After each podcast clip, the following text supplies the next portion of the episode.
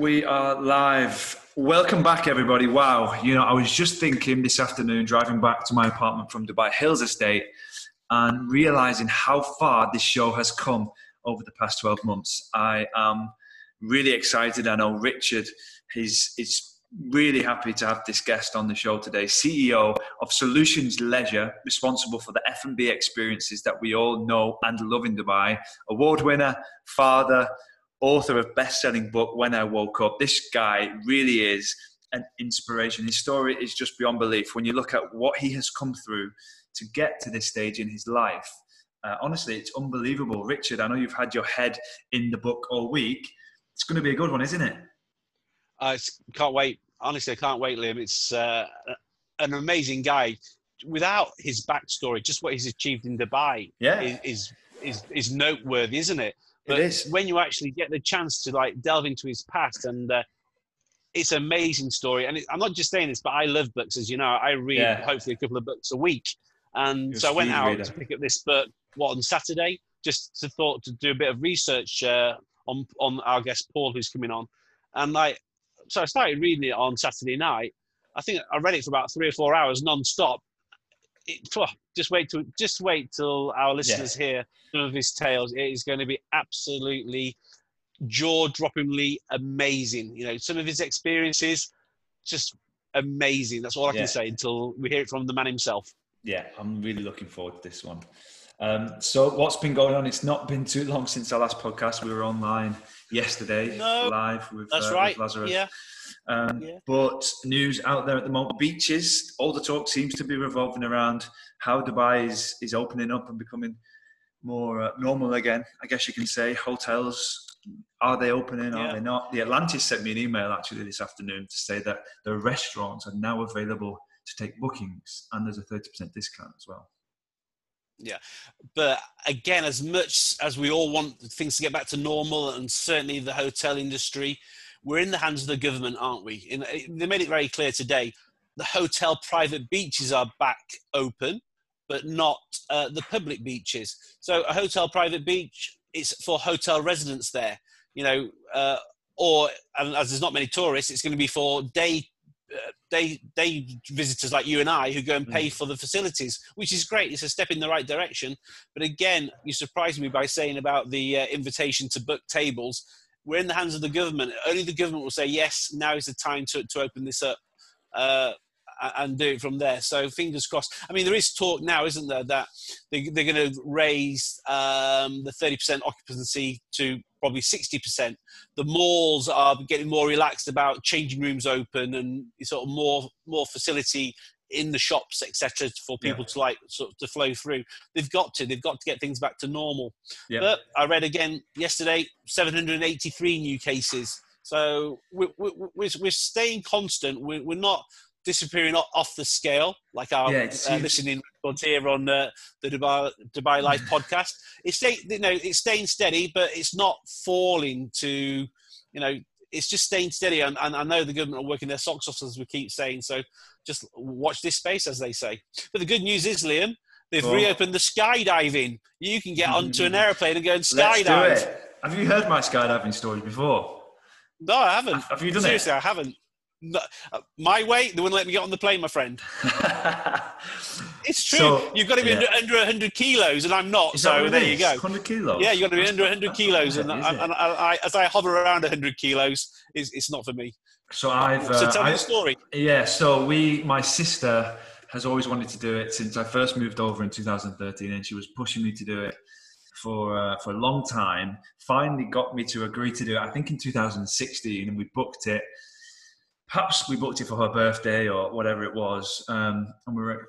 She was really excited to go. I'm not particularly scared of heights, but uh, it, it was never something that I've really wanted to do we so the, the first day we booked it that literally the day before i remember opening my phone and seeing uh, seeing that the plane had overshot the runway and crashed into the rocks um, so obviously that was the day before we were scheduled to do it it might have even been on, on the same morning um, so that was cancelled and she was on holiday at the time so we couldn't rebook it when she was here so we planned to do it the next year the next year she came back we went uh, we went to the place, we walked in, and it was it was quite breezy. It was really windy, and they said, "Look, it's just not going to happen today. It's far too windy. It's not safe to fly. It's you know, it's not going to work." Um, and at that point, you might think, "Look, it's just not meant to be. Let's just cancel the whole." Absolutely, idea. yeah. I think Uh, God is telling you something here, Liam. I Walk away. I know. So then I think she had about a week left on the holiday. We managed to book it on one of the last days she was here, and I'm pulling up to the to the skydive Dubai, and it, it feels a lot windier than it was when they cancelled it the previous time. So that kind of made me really nervous. Um, but yeah, we finally managed to get it get it booked in, and we did it on the third attempt. And I have to say, it was an experience, but I was just terrified the whole way through. I mean, 10 seconds off, I think maybe from the runway, they open the doors wide open. You're sat basically on a school bench in this plane. You can see straight through to the cockpit. The guy is driving the plane with no socks, no shoes on, not even not even wearing flip flops, just bare feet driving this plane. The door's wide open. And of course, all the, the skydivers, they're doing like five dives a day. So they're just Yeah. really confident, you know, they don't really understand how big of a thing this is for me mm. And uh, and they're just really relaxed and joking around. And then people jump out at different stages, and I, I tell you what, it's uh, crossing that line. There's a picture which I'll share, and it just Yeah. shows my full range of emotion. My eyes were closed for the first minute. I didn't even open my eyes, and I was trying to grab on to, to feel more secure, but then I was worried about grabbing on to something too tight and releasing myself. And after the end of it, they video the whole thing, so they've got a camera in your Yeah. face from the moment you take off till the end. And at the end of it, they come in your face and say, "How, how was it? Do you want to do it again?" And honestly, I, I said, "Not really. No, that'll, that'll be enough for me." Actually, I look forward to seeing that on the Instagram. You have to put that Yes, up on the Instagram for sure, videos, Yeah. it was an But experience. isn't it funny though? I've done it. Isn't it funny? We're all king of our own jungles. You know, mm. We in the property world, we're kings of the jungle. Give us a skydiving instructor to come and sign a contract or come and sign a mortgage application, whatever.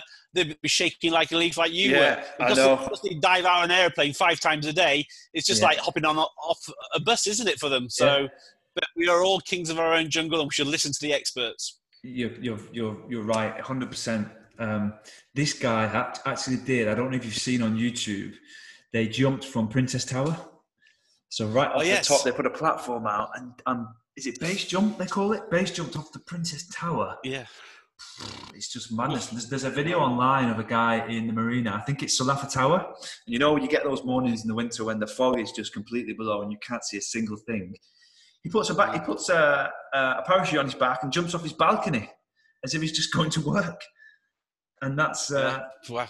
that's all on YouTube Yeah. to see. It's mad. No, uh, I've, would you believe it? I've only ever once been on a mini mini roller coaster, and it was a mini one as well. And I thought, yeah, I'll give this a go. You know, first ever time on a roller coaster, and it doesn't look too high. Mm. Got on it, never again, never, never ever getting on a roller coaster. Are you not I mean, an adrenaline I hate, junkie? I hate. Yeah, no, no, not for me, my friend. No, not, not my age. Give, give me some cricket or rugby. I'm Yeah, happy, but sensible sports. that, that, that, that's the limit of it now, my friend. Sensible sports. Yeah. I'll uh, I'll stick to the golf for now. Yeah. Um, Yeah, we need we need to we, we need, you need to take me out. It's probably not Yeah. now until uh, autumn time, but you need to take take me out and uh, have a laugh at my my, my, my, my my skill levels.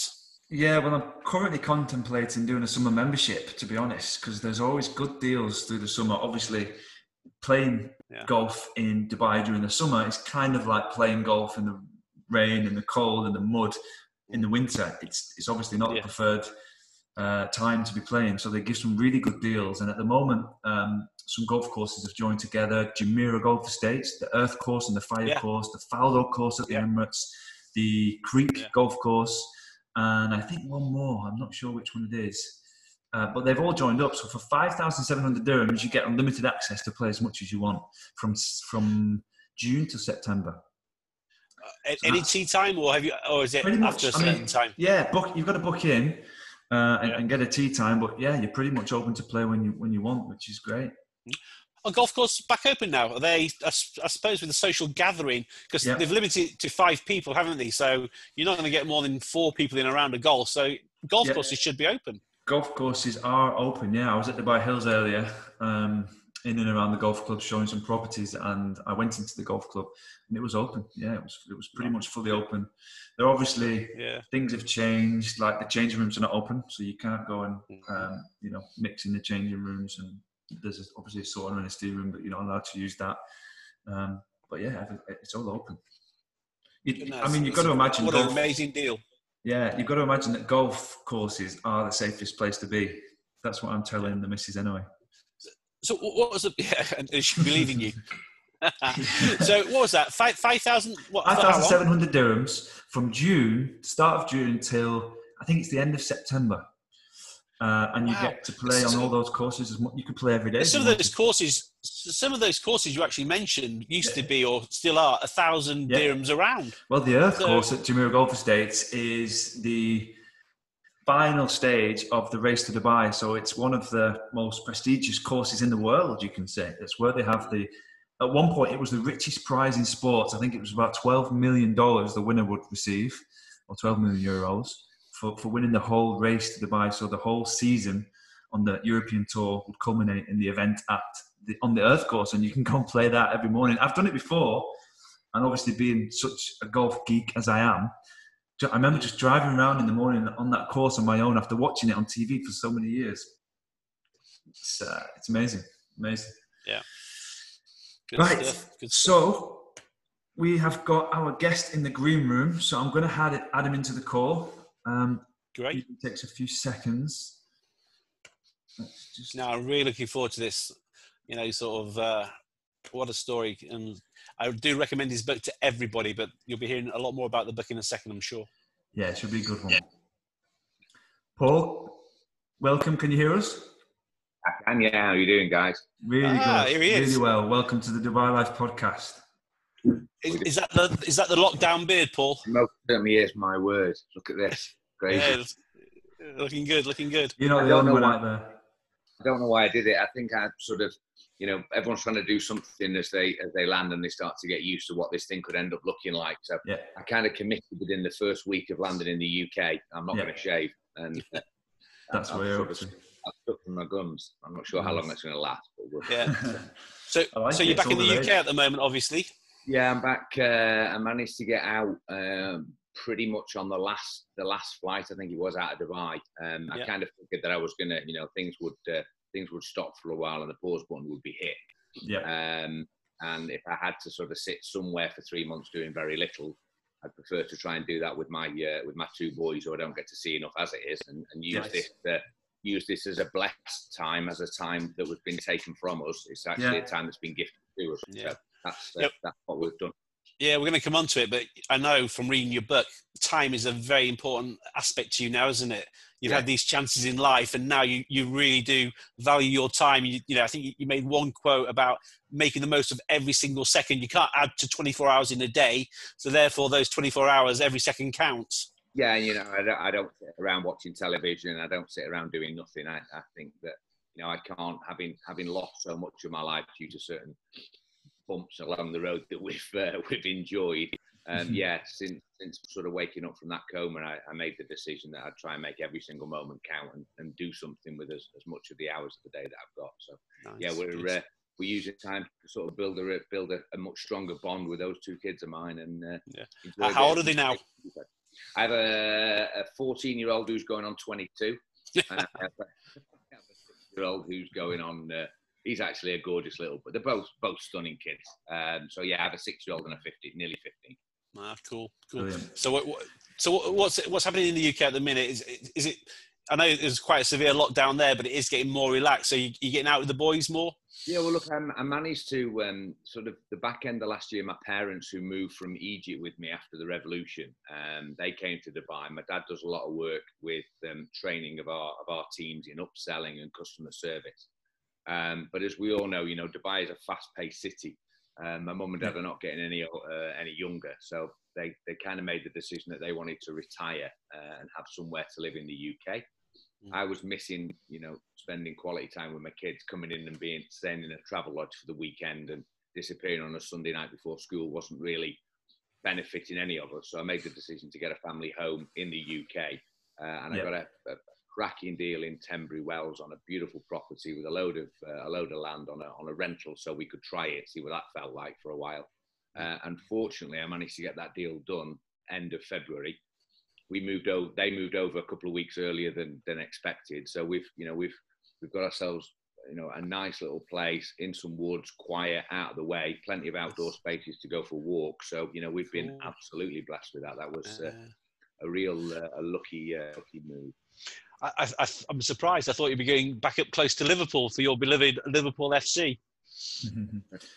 well, there's nothing um, nothing to see there anymore, is there? Has, has it been announced? Are they going to carry on with the league? Have, are you going to? Uh, are you going to? Is this going to be the year?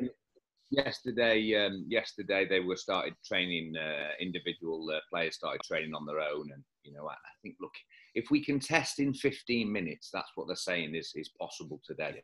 Um, yeah. Why can't all footballers be tested in the morning of the match? Mm-hmm. Those that are okay are part of the squad. Those that are not okay are not. And you play it behind closed doors and you let it play yeah. out the way it's supposed to play out. I mean, I mean the, fo- the, the football UFC, world. Yeah, but the football world is so rich in money. If we can't get together to get games on with that much money to support the game, we're in serious trouble. I'm a big Leeds fan, so uh, you know I'm desperate for it to happen. Like you're desperate for the first time. What is it, 22 years? And you deserve to be, don't you? I mean, even more than Leeds, you deserve to be champions. A bit more than that. Well, I was born in Leeds, so my second team is Leeds. My uh, my, my dad. And I'm a United fan, so I'm going to leave the chat right now. I think. Oh yeah, yeah. yeah. No, you should stay. We've had to put up with you last yeah. for a long time. I'll bear it for now. Yeah. Indeed indeed. right. Well, Paul, as you know, I think I, I, sent an email to you. Just I was reading the book, and yeah. what a story! It, it is an amazing story. So, for all our listeners, I would just, and I'm not just saying this. You know, uh, Liam said we got Paul coming on. He's written this book. I went out to buy it. Thought, yeah, I'll do some research, and I sort of picked it up on Saturday, quite late Saturday. Three hours later, for the first time, I put it down. I think you had me in tears by page 30 twice and like, unbelievable! What a story! It has to, uh, it has me in tears every time I pick it up. You know, it's um, when you when you know, so easy to look at other people's lives and think that you know that's impressive, that's amazing, that's wonderful. That's when it's kind of your own life. It, it obviously I've had a fabulous life. I mean, there's there's no doubt about it. It's, I've had my highs and I've had my lows.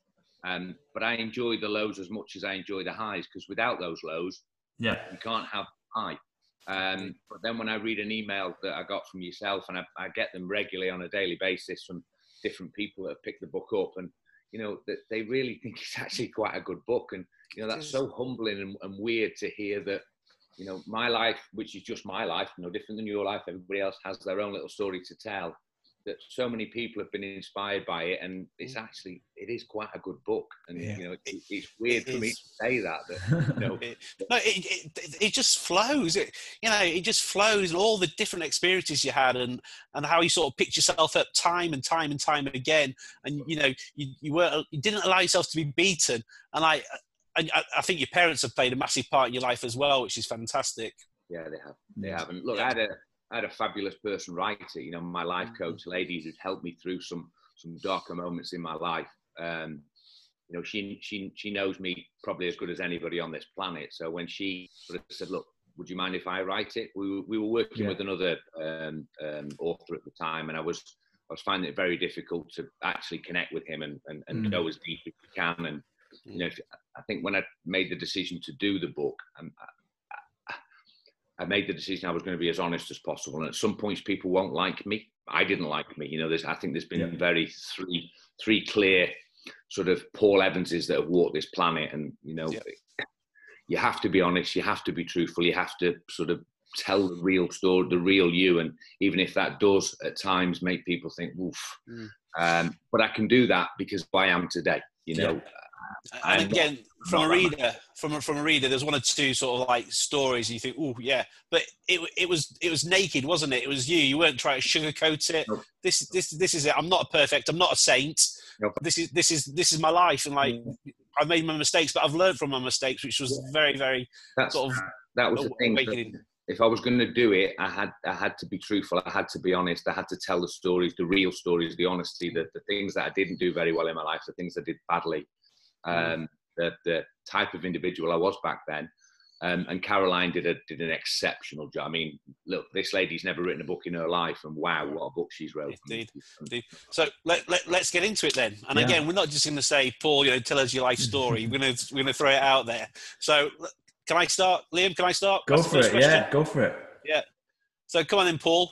What what are the things that shaped your yeah. early years, your formative years? What what what made you the person I'd just like to, to add, I think through all of this, what you what you managed to overcome, and I just mentioned it before you came on air, the journey that you've been through to get to where you are today. It takes a certain type of person, and I think, you know, looking at what looking at where you started, would you say that your early days and your your early struggles sort of gave you that chip on the shoulder and, and gave you something inside that was help helped later on in life? Did you, is that where it came from? I, I, think Paul needs to explain to everybody yeah. what what he, he was up against in, in the early years. Yeah. Look, I think um, I, you know, for those that have not read it, I was um, I was acutely um, um, dyslexic back in the day. Um, sorry, the kettle's boiling now. One sec. it's fine. yeah. you, when we're doing the uh, the podcast with people back home in England, you've got to deal with the kettle boiling. Sorry, guys. Don't worry about it. It's fine.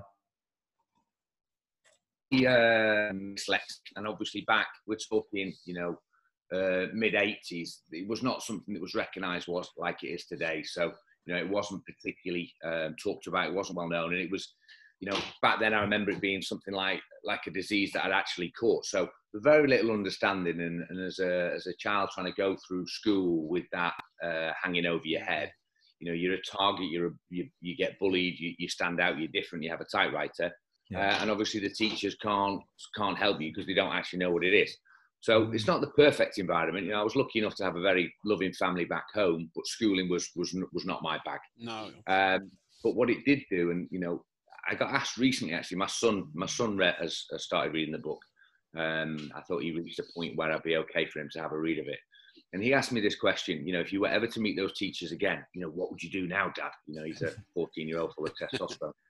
I said, I'd buy him dinner, Cole. He's like, what? What do you mean buy him dinner?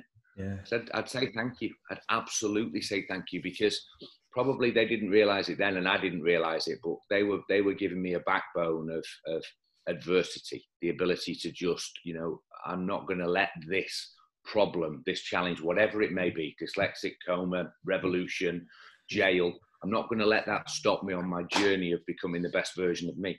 Um, they're just they're, they're bumps that you have to surpass. They're things yeah. you have to get past. And yeah. you know, COVID is an, COVID is another one. You know, yeah.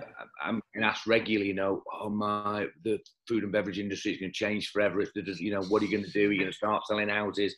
You're going to move into a different industry. It's just another little bump. Um, and I, I, never see any of them as, as insurmountable um, because of the training and the, the, things that I had to get past when I was a when I was a youngster.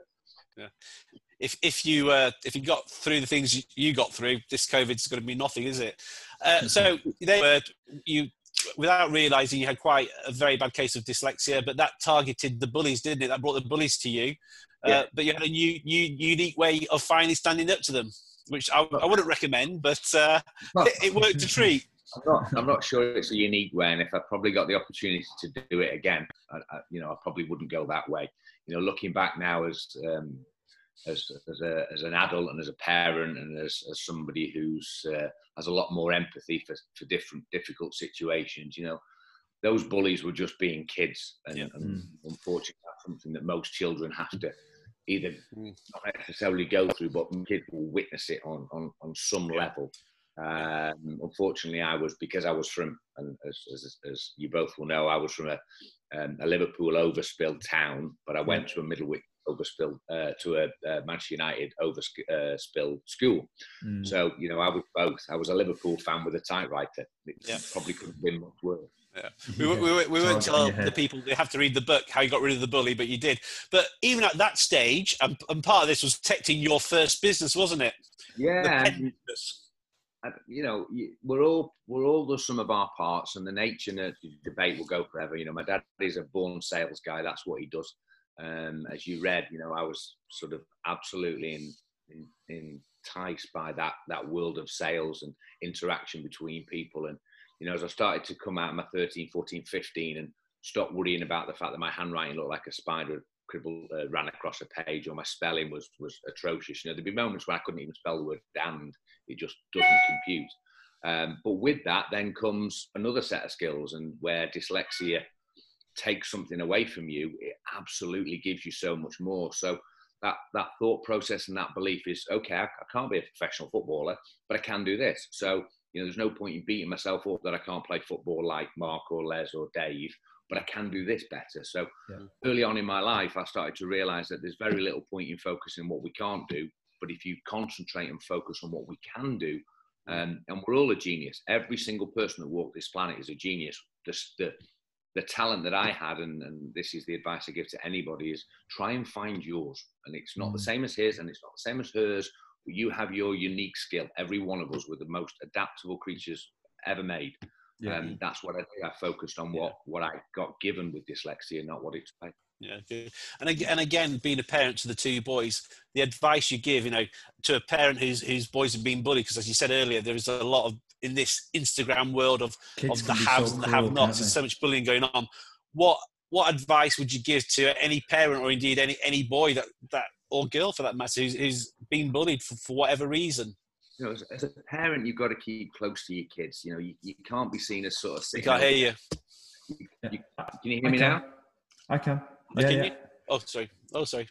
um, you know, you, as a parent, you can't be sort of looking over their shoulders. You've got to keep close to what they're looking at. In, in today's world of social media, it's very different to the to the challenges I had from a from a bullying perspective. Um, online is, you know, it, it, it's given us so much, but it, we don't know what it's taken from us yet. And we also, you know, it's been it's been a nanosecond, hasn't it? Really, in the yeah. in the in the last ten years, you know, social media, digital, online, connected, you know, it's relentless, and it, it really does worry me today that society is is moving so much more from this instant gratification. Yeah. Where if, if you're not loved today, you've got to do something more extreme to get love, to get likes, to get followers. And we're, we're training society to to connect and to care about input from people we don't even know. I know. You know, uh, yeah. so I heard an analogy once that when I was when I was my age, today social media at, at, was 14 would have been driving on your bike up the road, knocking on your next door neighbour's door, and going, yeah. "Like me." Yeah. face to face. And that's what we're doing. We're posting this. You've got 14 year old girls that get 200 likes on this picture, 600 on that one. This one showed a little bit more butt cheek, so that's yeah. what I'm going to do because that that makes me liked. Yeah. Um, you know, the implications of what that could mean to the mental state of our youth today scares the pants off me. So I'm very aware of that, and I'm, I'm conscious that you know my son he's not he's on social, but he, he doesn't post a single thing. Uh, you know, I've managed to keep him away from that and, and say, look, it doesn't matter. It absolutely doesn't matter. And it's today's fad. You know, will Instagram be massive in 15 years' time? I don't know. I don't think so. I don't think it will. We'll have moved on to something else. But I just hope that at some point, and, and you know, one of the things I'm, I'm gaining from COVID situation is that you are seeing so many more people connect like humans and humanity requires us to connect. Yeah. More genuine, more honest, more time, more face, more calls, more real substance to our relationships instead of just I've got 60,000 friends on Instagram. I haven't. I've got seven. Yeah. The same friends on Instagram that I've got in my real life, you know. It's no different. True. It's heartbreaking, isn't it? You know, all the the Instagram leaders they put on their like fantastic five star lives, and everybody like looks at them thinking, "Oh, I want that lifestyle," and they think it's it's twenty four seven.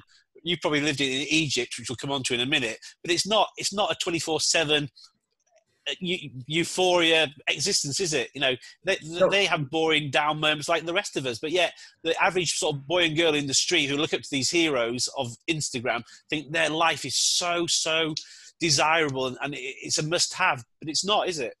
You know what it does? It, it it it gives us a highlight reel window into everybody's life, and it makes us jealous, and it makes us look at ourselves and think we could have done better. You know, when my, when my, yourself, when my, yeah when my parents were, were were young and they had me and they had a row like row with my girlfriend like you have rows with your girlfriend's boyfriend doesn't that's life that's normal that's good it's it's the low you've got to have the low to enjoy the high But back then, you know, if my dad had a row with my mum, he'd, he'd go to the pub, he'd, he'd, have a pint with his mate Dave, who'd also had a row with his missus, and chew the fat over it, and then they'd talk about footy, and then they'd go home.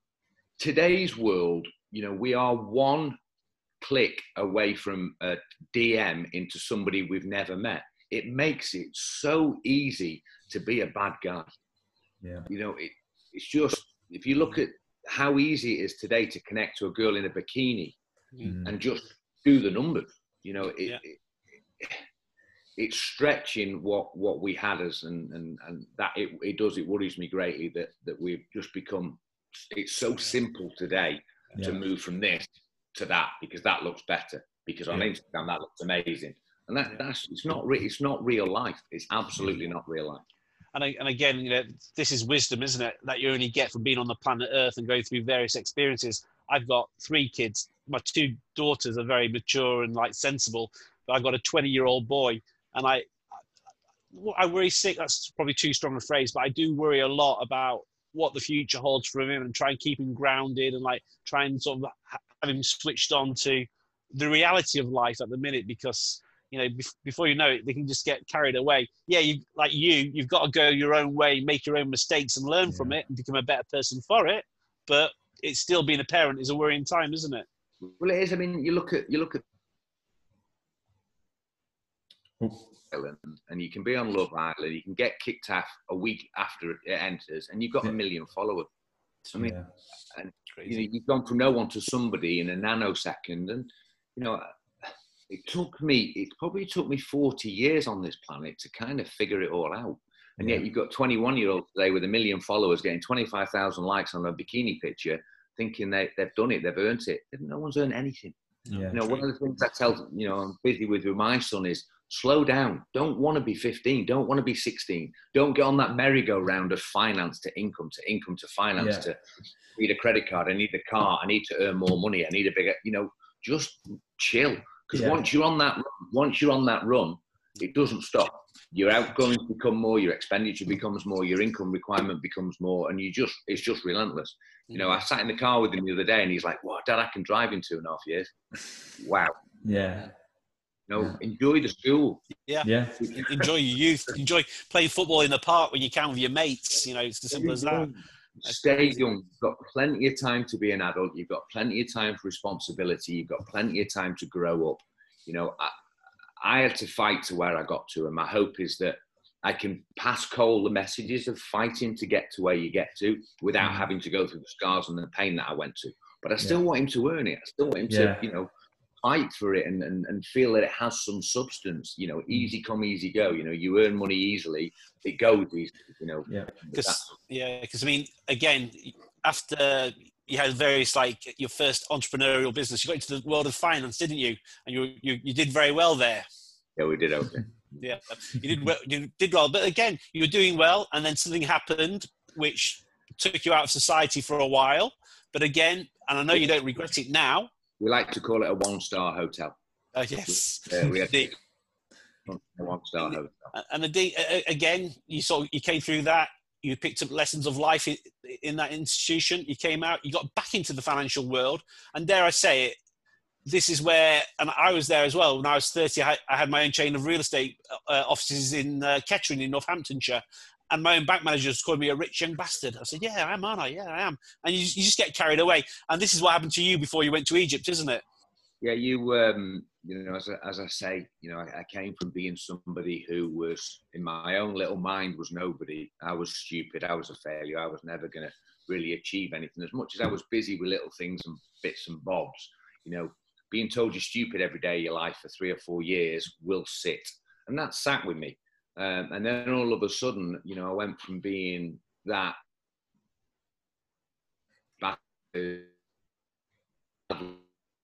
Oh, we just lost the uh, the signal a little bit. Are you back with us? ready for that power. I was ready to deal with, you know, being humble and being good at what you do, but without screaming and shouting about it.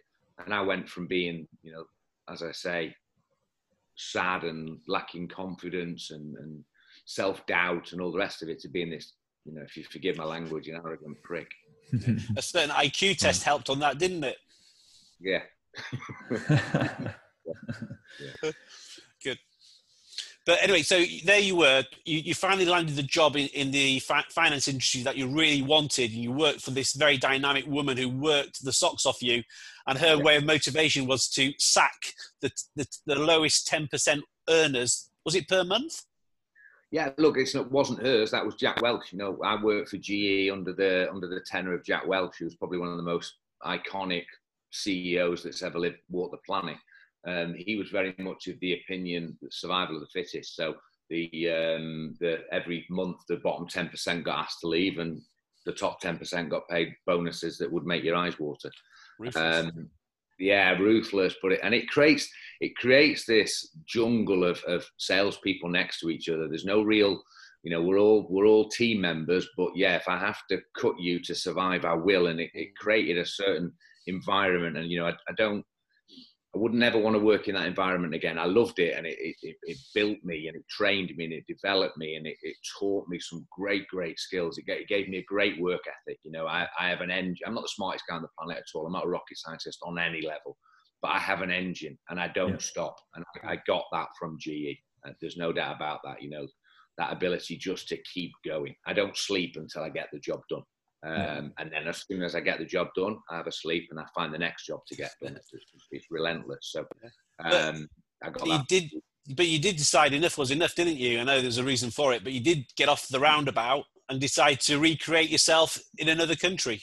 Yeah, I'd realised that I'd lost the plot. I realised I'd become somebody I didn't particularly like, and I'd lost my way. And you know, success back then was money and cars and houses and bonuses and, and head of the leader table and these little monthly trophies about how well you were doing, and then you could shove it in everybody else's face of how great you were. Um, as, as that took me in another direction and, and made me become somebody again, I was very unproud of, and that was probably the that was probably the point in my life where I most disliked myself. When I was really like, wow, what have you actually become? And, and is this what you really, really want? You know, it's that wolf on Wall Street environment, you know, mm. where you just you just become this ruthless animal that is chasing these impossible targets of success. And it didn't matter who got knocked away yeah. along your journey. And you know, at some point, I woke up and realised, yeah, this is this is not who I want to become. This this I can't. If I carry on like this, then ugh, I'm going to be somebody that nobody's ever going to be proud to talk about. Indeed, indeed. So, what did you do? jumped on a jumped on an aeroplane and got very drunk in a bar one night and agreed to lend somebody some money to open a nightclub. As you do. As you do. yeah. and, and how many suitcases of cash did, did you have to take around the next day? It sounds it sounds crazy, eh? But you know, how many people have done more silly things at six o'clock in the morning and agreed to invest in a nightclub? There's, there's a lot worse you could have done, I guess. Most of most of our silly moments that we do as human beings are done between the hours of three and six in the morning. Mm. Yeah. You get to my age and you're always asleep in those hours, so hopefully you avoid these instances nowadays. Yeah, but you know, don't forget I was what was I was 20, 25, 26. So yeah, I I, uh, I invested with a guy called Freck who mm. uh, is still my business partner today. We've done we've done well over forty different bars and restaurants and nightclubs together, um, and it was the mm, it was the best thing I ever did. Yeah, because uh, there you were with three suitcases or three bags of cash, heavily hung, hung over, and you were just talking figures with Freck, and you go, right. So the money he wants me to invest, if I drink here every night in this bar for the next year, that's pro- about the same amount of money he wants me to invest. So your your first question to get the deal done was, Freck, can I drink in this bar for free every night if I'm a partner? Yeah, exactly. Yeah, yeah. and he said yes, and then there's the money that was that was it. And, and you talk about three suitcases of cash. You know, it was that that was six thousand sterling. You know, the, the the sterling to Egyptian pound meant that I had so much cash, but it was it was only six grand. It was six thousand sterling. Um, and I figured I could drink six grand in probably a month. So if I could get this, if I could get this out of a year, then I probably would. Um, and that was my that was it. There was there was no there was no P and L, there was no balance sheet, there was no cash flow forecast, there was no budget plans, there was nothing. Just well, I drink 200 quid a night, a year, done. Yeah, I mean, and that was it. Cool. But it was the start of something quite spectacular, wasn't it? The way you built that business, Papa's. Well, it, it, no, actually, to be fair, no, it, that wasn't the moment when we when we rocketed. We had a we had a wonderful eighteen months of being business partners, um, but it was a lifestyle. It wasn't a business. You know, we mm. would um, we'd just get on it every day from about four o'clock in the afternoon, and you know I, I was getting super carried away. That realizing I wasn't particularly proud of myself in England, getting on an aeroplane and going to um, Egypt.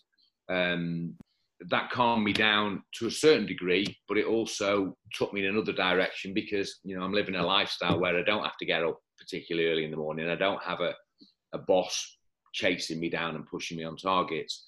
So I found I found the bottom of a bottle and, and mm. just went out partying every day for, for about 18 months. Yeah. Um, and then that's when the that's when the biggest thing that's ever happened to me. But, uh, yeah, so you're going to come on to, isn't it? Yeah. you know, we'll, we'll, tell the listeners in your own words what happened because it's quite graphic in the book, isn't it? The, um, the day you, the morning you woke up. Yeah, I woke up with my stomach looking like a pregnant piece of blue cheese. I was massively bloated, had the most horrendous pains. Um, decided that it was probably best that I went to a hospital, got taken to a hospital. Within 12 hours, my lungs had collapsed. Um, and they had to perform a, a, lung puncture where they mm. bang one of those things through you um, to take the fluid off your lung. I was wide awake during that process, um, which is an interesting experience. That will uh, that'll let you know that'll wake you up. Um, so they did that and then drifted off into intensive care. Um, my parents were told I had four days to live and that the hospital in Egypt couldn't look after me. Wow. My father then went on a crusade to beg, borrow and steal to try and grand together to get an air ambulance to come and pick me up. Mm. Um, thank the Lord he did and we got we had four angels on this planet that agreed to lend my dad some money, irrelevant of whether I woke up or not, or they get their money back. You know, my father was my father's not a particularly wealthy man. He invested all that money in the boat. Um, nobody had access to my money. I didn't have a lot of money, uh, but I, nobody had access to it because I was asleep. Fortunately enough, an incident happened in Switzerland where, unfortunately, a passenger that was due to be air ambulance back to the UK didn't make it. The pilot decided to offload the body and come and get me and so that's amazing because like it wasn't oh you were in Italy or you were in Austria next door to Switzerland. You're in bloody Egypt. The, the so, chances of that a, just yeah. Yeah, that man, that man could have gone home and had an early night. That man said, "No, I'm. This is my job. This is why I chose this industry. This is what I do. I'm going to go and save that boy's life." Yeah. So that was, as you described in the book, that was one of the miracles of that week. So the air ambulance picked you up, took you back to one of the hospitals uh, in Manchester, and yeah. what was the second miracle of the week? That the number one pancreatic surgeon in the UK was there. Just standing there. How it's just beyond it's beyond Hollywood, isn't it? Yeah, there you are, close to death, and like probably the one surgeon in the UK who could save you yeah. was actually standing about 100 meters when you actually went through the doors. Yeah, that's that's 15 years ago, and I get shivers when I think about it. Yeah, wow, I can imagine. Um, Yes. Now, this is we're now going to come on to the most fascinating bit of the book. You in your coma. Oh, the coma. Yeah, man, that was cool. Oh, here I'm still speechless. I mean, like, so was it an induced coma or, or was it uh, the, no, the medical? Did they actually put you into a coma to like relax you and try and work on you, or was it from the illness? you have to understand that the um, I got acute pancreatitis, which basically means your, your pancreas starts secreting the enzymes that digest your food outside of you instead of inside of you. So it basically begins to uh, digest your internal organs slowly but surely. It has an 80% mortality rate. So is this much- alcohol? Is this alcohol induced? Because isn't this what took Patrick Swayze? Uh, no, he, um, acute pan- um, uh, pancreatic cancer took Patrick Swayze. Okay, so Right. So uh, was this through through your lifestyle of Egypt? Was that no doubt about it? I drank too much. So alcohol. If you drink if if you drink too much alcohol and you don't have a rest from it, it's a continual um, um, top up of alcohol in the human body. You run a risk of getting acute pancreatitis. It's not. Look, it's not. You get pancreatitis. People people get it quite regularly.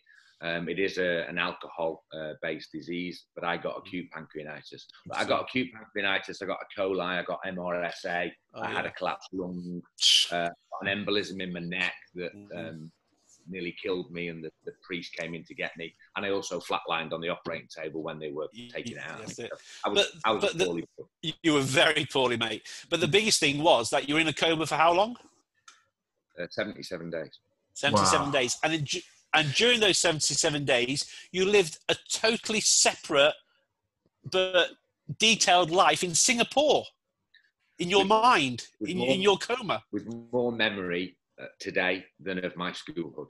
So yeah, I had a I had a full on job. I'd get up in the morning, I'd have a shower in my house. I remember the shower. I remember the shower gel I used. I remember the colour of the tiles. I'd come downstairs. I made my breakfast. I'd jump in my car. I'd drive to work, and I'd run a team of salespeople that were developing virtual reality software, uh, and I was the lead sales guy.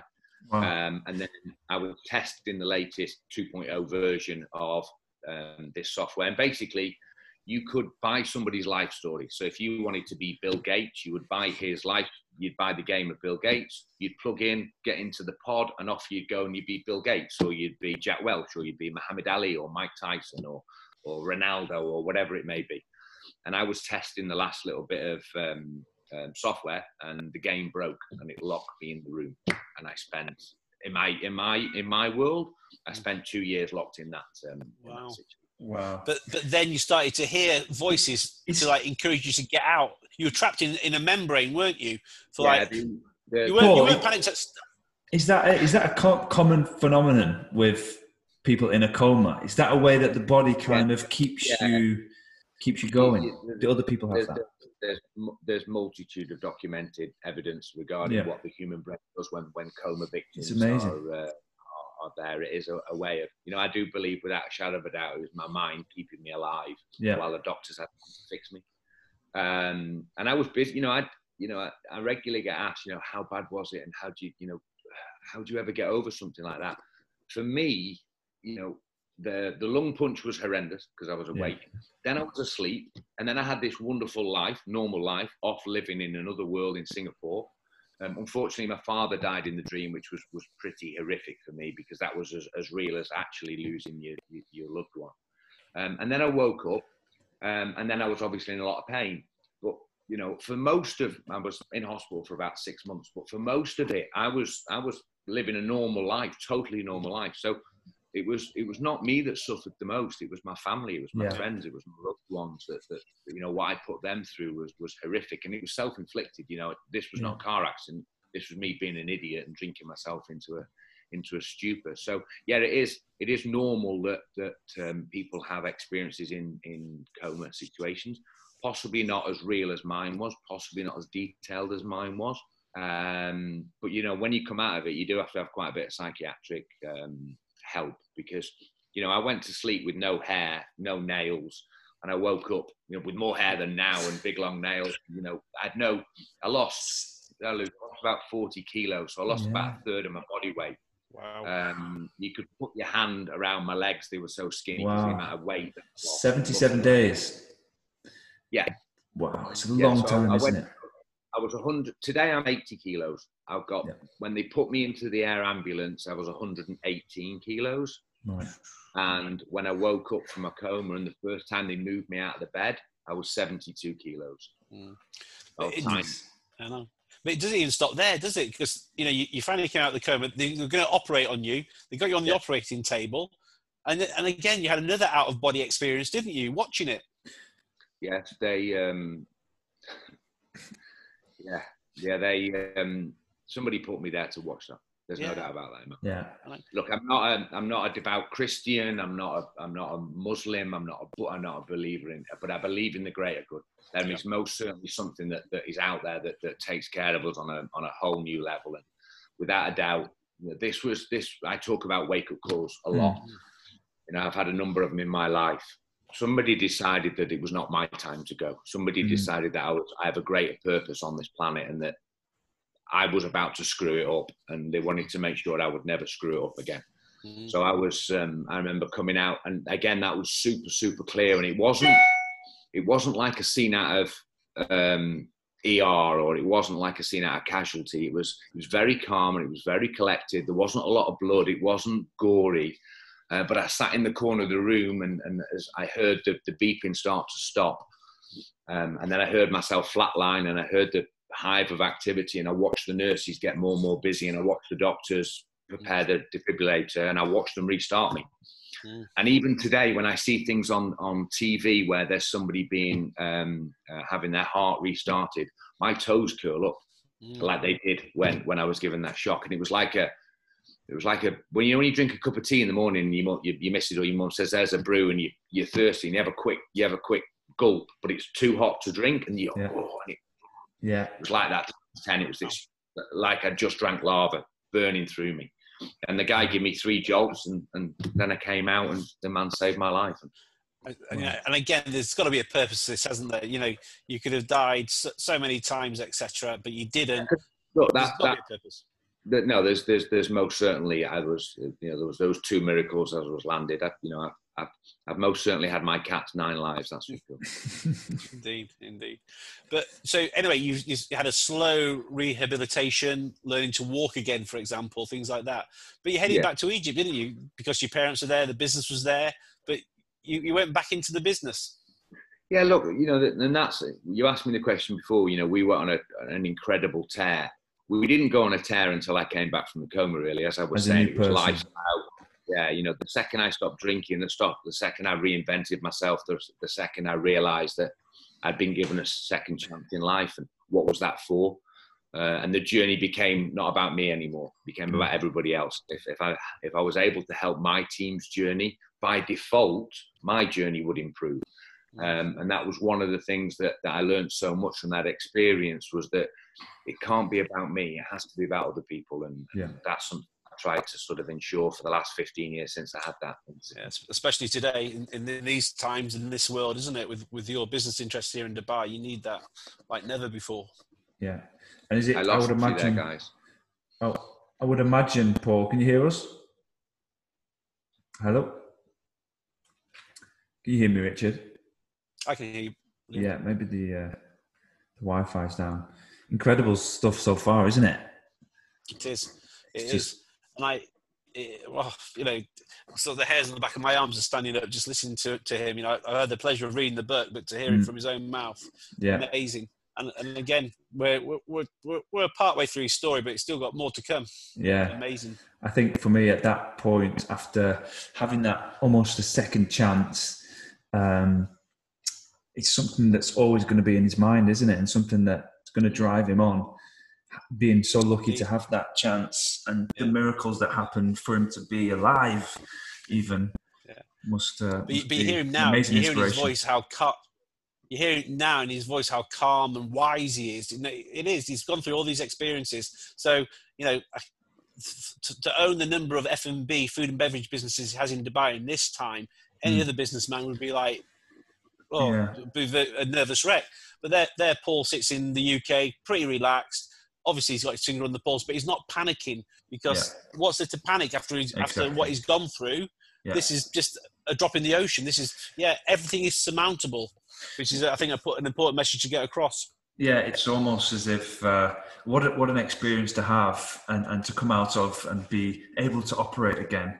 It's uh, I don't know if you've seen Derren Brown. I'm a massive fan of Derren Brown, and he had an experiment called he, he does a few of these, but one was called the Apocalypse, and he he he had a lot of contestants entering the the show, and one guy was entered by his parents, basically just sitting around doing nothing with his life, working a part time job, no motivation, just not a good person. So what Derren Brown did was he fixed up this guy's life. It was almost like the Truman Show, and he set everything up so that it looked like to this individual the world was coming to an end. So they took over his phone, they took over the TVs in his house, and for the for, two weeks they basically planted the seed that there was this apocalypse coming. There was a, there was an asteroid going to hit the Earth, and he fully believed it. And it all culminated into yeah, he was on a bus driving to an event to a, a Coldplay concert, I think it was, and the um, the asteroid hit, you know, and, and they had all this uh, special effects set up, and he was put into um, hypnotism, and literally woke up, and the news came on in the hospital bed, and the world had ended, and it. Uh, the, the guy, well, he fully believed that the world had ended. He thought he'd lost everything, and then obviously it transpired that he had to sort of survive and get through it. And when he did, he came out of it a completely different person with a new perspective on life. And I think he ended up being a co-worker and really making something of his life. Um, Yeah. We've lost him. I think Yep, he's we gone, may hasn't he? have to uh, may have to reconnect into the call. dial back in, yeah. But again, I've had something.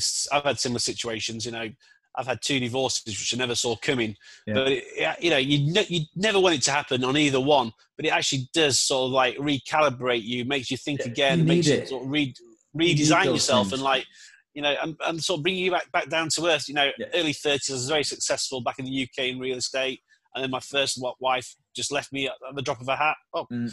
and then that made me go traveling. And when I started going traveling, I, I, met so many great people. Yeah. And then I sort of got got married again, and unfortunately that marriage went wrong again. That's brought me to Dubai. But yeah. both times, it's a horrible thing to say. You go through six months of agony, but it yeah. does make you a better person it in does. the long run. Yeah, it's horrible at the time. Anything like that. But I do believe anybody that's ever achieved anything, it's never been an easy ride. Nobody who has high levels of success and happiness in their life haven't had to go through some serious adversity. And that's difficult, I think. He was talking about how he raises his kids. It is difficult yeah. sometimes. If you've been successful, how do you get your kids to experience? You know, you're not going to want them to go through the difficulties, but you know mm-hmm. deep down that you they can't have it easy. It's, uh, yeah, but as I say, Paul's been successful, but he's, he's, had some some bad times as well. But it makes him the man he is, and he can put impart that wisdom to the kids. Uh, just just as much as like you know success, success isn't everything is it you need yeah. you need your valleys to appreciate the views from the mountaintops you need to go through the valleys to get yeah. to the mountaintops to appreciate appreciate the view yeah exactly. Look, I'm not. We've never had this before. We've never had a disconnection, so I'm not sure how to work it. What I think I'm going to do is try and figure out with my very limited technical, uh, technically advanced brain how to pause this, and then maybe we can reconnect once we email him. Let me try, and he'll, hopefully this will work and not delete the whole thing. I think it should be fine. I'm very nervous now. I feel like I'm pressing the button to end the world. We're back. So we lost you for a little bit there. Where, where were we up to now? Uh, you, I you think were, you, you, were back in Egypt after this whole traumatic experience, and you'd survived, and you've come out a new person, and it was a reset and an opportunity for you to start life again uh, as a new person. So you were back in Egypt, more focused, and yeah, we were chatting a little bit more about how it becomes how something so significant that can you know really slap you sideways yeah. and make you have a how to really live your life. And I think that was the biggest thing that came out about it that me, I, I really got to have a, a long, hard look while I was lying in that hospital about the person I am and who do I want to become. And that's when I started to develop the thought process of the best version of me and, yeah. and, and how do I, how do I sort of visualize that? What sort of son do I want to be? What sort of boyfriend? What sort of partner? What sort of friend? What do yeah. I want to get involved in? What does what does the best version of Paul Evans look like? And that's the guy that I, I aspire to become. And from then, you know, then it became a business, and, and that's when we went on a bit of a tear and opened, you know, 20, 25 places across Egypt in, a, in an mm. eight-year period. So yeah, we had a we had a wonderful time. I think you know, it wasn't easy. You know, building a business in a country like that has its mm. challenges it, it's it's it's white. You know, it's open. You can pretty much do what you want, and you don't have massive competition. It's a great place to sort of cut your teeth and learn an industry that that was new to me. You know, I'm not I'm not a bar guy. I'm not a nightclub guy. I am now, but I wasn't back then. I was learning all of that kind of stuff. So great place to learn the business, um, and that's what we did. And we got on and did some incredible, yeah. some amazing stuff. Uh, the, the, the most amazing story I took from that was uh, you, you got the big contract to open the Ministry of Sound um, yeah. open air, didn't you? And was, you know, you you you, you got all your team in, all your planners. You put three months, three hard months of like planning, organisation, everything. And a week before the big shots from Ministry of Sound were coming out for the grand opening, it burnt down. Most yeah, people would have just collapsed in the sand crying. You decided, right, boys, and th- this is what about an hour after the fire had like sort of devastated everything. You called your team together and said, "Right, boys, we've got seven days. That's seven times twenty-four hours. We're going to rebuild and reopen this club on time." Yeah, I still, I still don't know how we did that. I, I really don't. I think you know, I, I, that was probably one of my coolest things I think I've ever done. Um, the the fear and Ministry of Sound did turn up on the opening, and then we did tell them what had happened, and they were like, "You idiot! We'd have never had a problem with you." Mm-hmm. But I was so, I was so proud that Ministry had picked me. You know, Ministry was yeah. the glo- global brand that you know could pretty much pick whoever they wanted. There was little old me that had got very little history. I didn't have a lot of money. I jumped on an aeroplane. They sent me a, like a. I approached them and they sent me a document like this of all the different things you have to do. And I read page one. I was like, yeah, that's not for me. So I rang them and said, what are you doing Friday? What do you mean? I said, well, I'll fly and I'll talk to you. Come on, I don't want to read this. Let me come and talk to you. So I remember sitting in James Palumbo's house and he had this beautiful house in Kensington. You know, that, that man, he was head boy at Eton. Super smart, super intelligent, probably as far as a night from nightclub owner you'd ever expect. And they wanted, I think if I remember, they wanted like 250,000 sterling. And I had like 20. Um, so I had to I had to go and make friends and make a relationship with that man. And I sat in his house. And he's got his little dog running around the house, and he said, well, "You know, what do you want to do?" I said, "I want to build you the best ministry on the planet." And he uh-huh. said, "Well, how are you going to do that? You haven't got any money." I said, "Well, you know, is is the best ministry on the planet about money, or is it about the people that stand in it and the smiles on the faces and the hands in the air? And he's what what is the best ministry?" And he stopped and he looked at me and he said, "No one's ever said it like that." So, what is the best ministry? He said, That's the best ministry. I said, Well, I promise you I'll make you one of those. And he just put his hand out and shook my hand. Um, so I was like, Wow, I can't believe I managed to convince this man that I'm a good guy. And that was a, that was a great moment for me. Um, and I didn't want to let him down. I didn't want to let anybody down. So when that, that fire happened and I sort of stood there like, Wow, it was not a case of, you know, this is terrible, this is awful, this is this, this is, oh my word. It was, just I can't let everyone down. I, I promised so many people we're going to do this, and I promised myself I was going to do it. So we're going to do it. And if it takes me nine days, if it takes me eleven days, it doesn't really matter. But we had to have a number. We had to have a number, and the number was seven days. So off we went, and we did. We we bloody did it. You did. And like the, uh, as the guests were walking in through the front door, the seamstresses with their sewing machines were swimming in the sea yeah, away from, away from the club. It's so amazing. there was no way they could get out. They had to go out from the sea. Yeah, but th- but that went off at a thousand miles an hour, and then then you got into a marina management. You actually managed to pick up an entire marina to manage. Yeah, yeah, that was super cool. Yeah. Uh, and how, how, how many uh, uh, outlets did you have there that in there? Was, that was um, so the whole development was eight thousand square meters. So I think when by the time we chopped it up and, and put it into sort of food, retail, shopping, you know, all the different elements that you need for for a complex like that think it was like 120 different retail spaces, of which about 40 were, diff- were food and beverage. Uh, and we did about eight, or I think we did eight, partly, and a couple more. Wow. Um, and we did that in three months. Yeah. And it went from success to success, but what possibly could go wrong? You were set for life. Nothing could go wrong, could it? Yeah, it did. Yeah. yeah, indeed, indeed. And, and over such a, a I mean, over such a silly nothing as well. Anybody who doesn't know the story thinks that, that possibly um, I'm bad luck.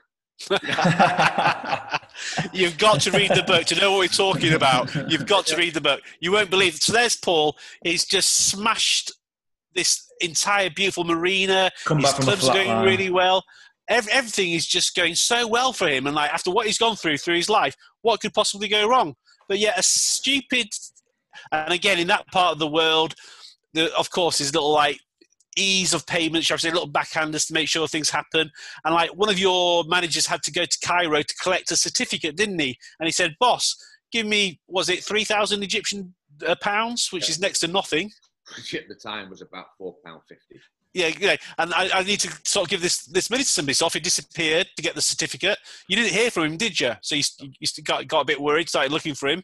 The next thing you hear he's been arrested, and they want to bring you as a witness because the the guy at the government who's giving the certificate was accused of taking major bribes or major corruption.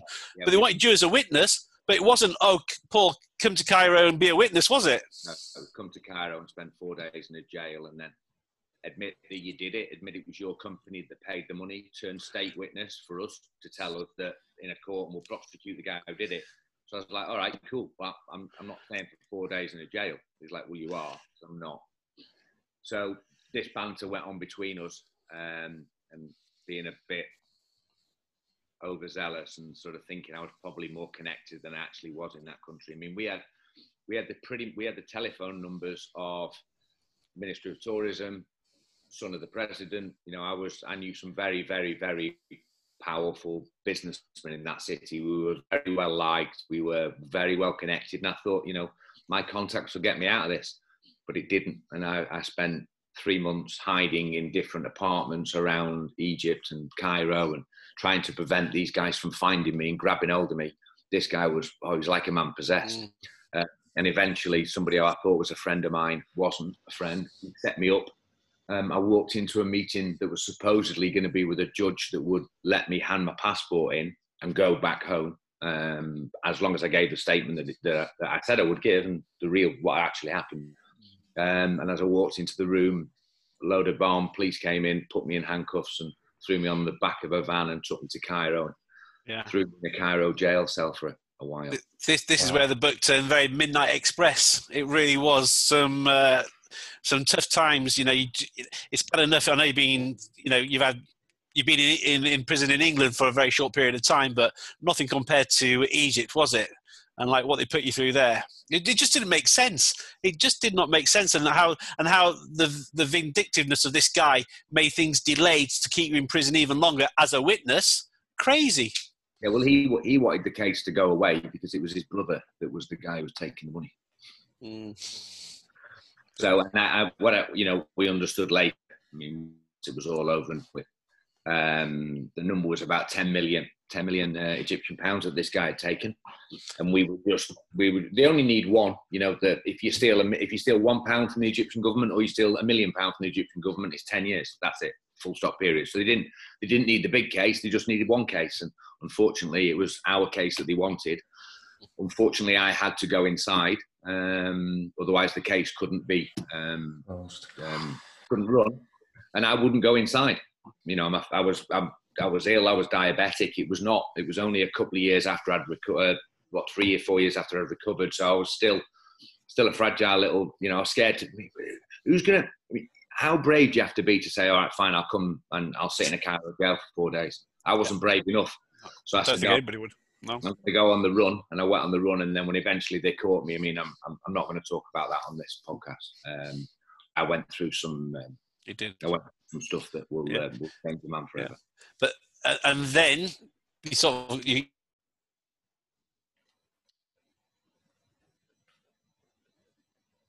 You got out of that, no, and then it was the. Uh, I remember somebody asking me recently, you know, you know, talk us through all the different things that you've had to overcome in your life, and you know, you, you bounce through them. Uh, and then he sort of looked at me and he's like, maybe it's got something to do with you.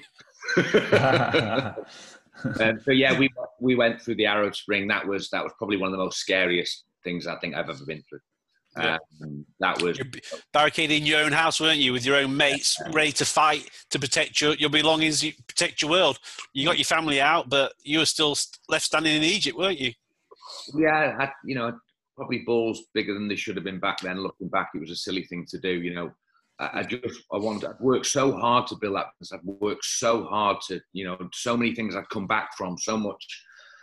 That country had taken so much from me, and I'd given that country so much. And I was just yeah, you're not going to take this from me. You know they they the government opened the prison doors because they wanted the prisoners to go on the streets. and The public said, "Oh, help us," and then the government could stay in power. That was their play. So you know we had thousands of prisoners being released from prison and then running to our town to to take what they could take. And I'd kind of given up on the business. I, there was nothing I could do about people taking the outlets from me and landlords just being just being evil. Um, but I was going to protect my home and I was going to protect the people who work for me. Um, so I pulled us all together for the sort of crazy four or five days when it was pretty lawless and we just sat and prayed and hoped that we'd be okay. And we had a boat fueled off the shore in case it got overrun, and we'd jump on a boat and sail into the middle of the ocean until things calmed down. But it was a mm. that was a very very frightening time. You know, I had a young son; he was four mm. by then, four or five. Um, I got yeah, it was not um, that was not a nice part of my life. But, but then the, the right, we're just about to get to the Dubai side of the story now, aren't we? Because then the right was on the wall with Egypt. The Arab Spring was was in full force the, the, tourists weren't coming in the numbers that anywhere near the numbers you needed to sustain the business. So you started planning to uh, to, to to leave. Yeah, we'd lost it by then. You know, we had I think we had 23 places going into the Arab Spring. By the time the Egyptian Revolution was kind of over, you know, obviously there was two there was two revolutions. So mm. whether you can remember or not, it was Mubarak to Morsi, Morsi to Sisi. That's right. Yeah. Um, we went through both those. Um, but I, I was done. You know that. To be honest, the, the being on the run in Cairo and, and what happened to me in that Cairo jail, I was never going to get over that. You know, I, I felt I'd done. given that. yeah, I'd given that country my life. I'd given, you know, I employed over a thousand people at one point. I'd, I'd built probably the number one tourist attraction that that city would ever see, still operational today. Hurghada Marina Boulevard was mine. They took it off me in the revolution, just just fired me, just said, look, we don't need you anymore. Um, and that that kind of stuff, you know, you you can't go over that. And you know, as much as I pretend to have an ability just to keep going, I, I was done. I was done. Yep. So I knew, but I wasn't allowed to fly. So if, as you probably read in the book, post post getting out of Cairo and being released, they still kept my passport for a while until they decided what they were going to do with this guy. Um, if I could have gone that day, if I could have come out of that Cairo jail, got an aeroplane float, I'd have never gone back. I'd have left everything, but I couldn't. So I had to kind of stay, which then meant I had to stay to the revolution. And yeah. then I wanted to try and protect something that I could sell to start again. Yeah. Um, but quite quickly after that, you know, it was sort of probably March, April time, 2011. And I just, I, dri- I was driving to one of my venues in the morning. It was early morning in El Gouna. And on that journey, I'm like, I'm done. I'm done. I, I, I, can't. I've got the energy to keep going. I wasn't old. I'm 35, yeah. 36, but I don't have the energy to go here. So where do mm. I want to go? I want to go to Dubai. Yeah. And I'd, wow. always, it always, I'd always gone on holiday to Dubai. I always just was so much admiration for what those people have done for that country. You know, it's 50 years old. Wow. Um, and I wanted to go and see if we were as good as I thought we were. Mm. You know, there was no competition in Egypt. We we were the leaders by massive amount. You know, there was no number two wasn't even talked about. There was us, and that was it. Yeah. Where Dubai, there's some pretty good food and beverage operators, and I believe that our style and the way that we, you know, we do it is slightly different.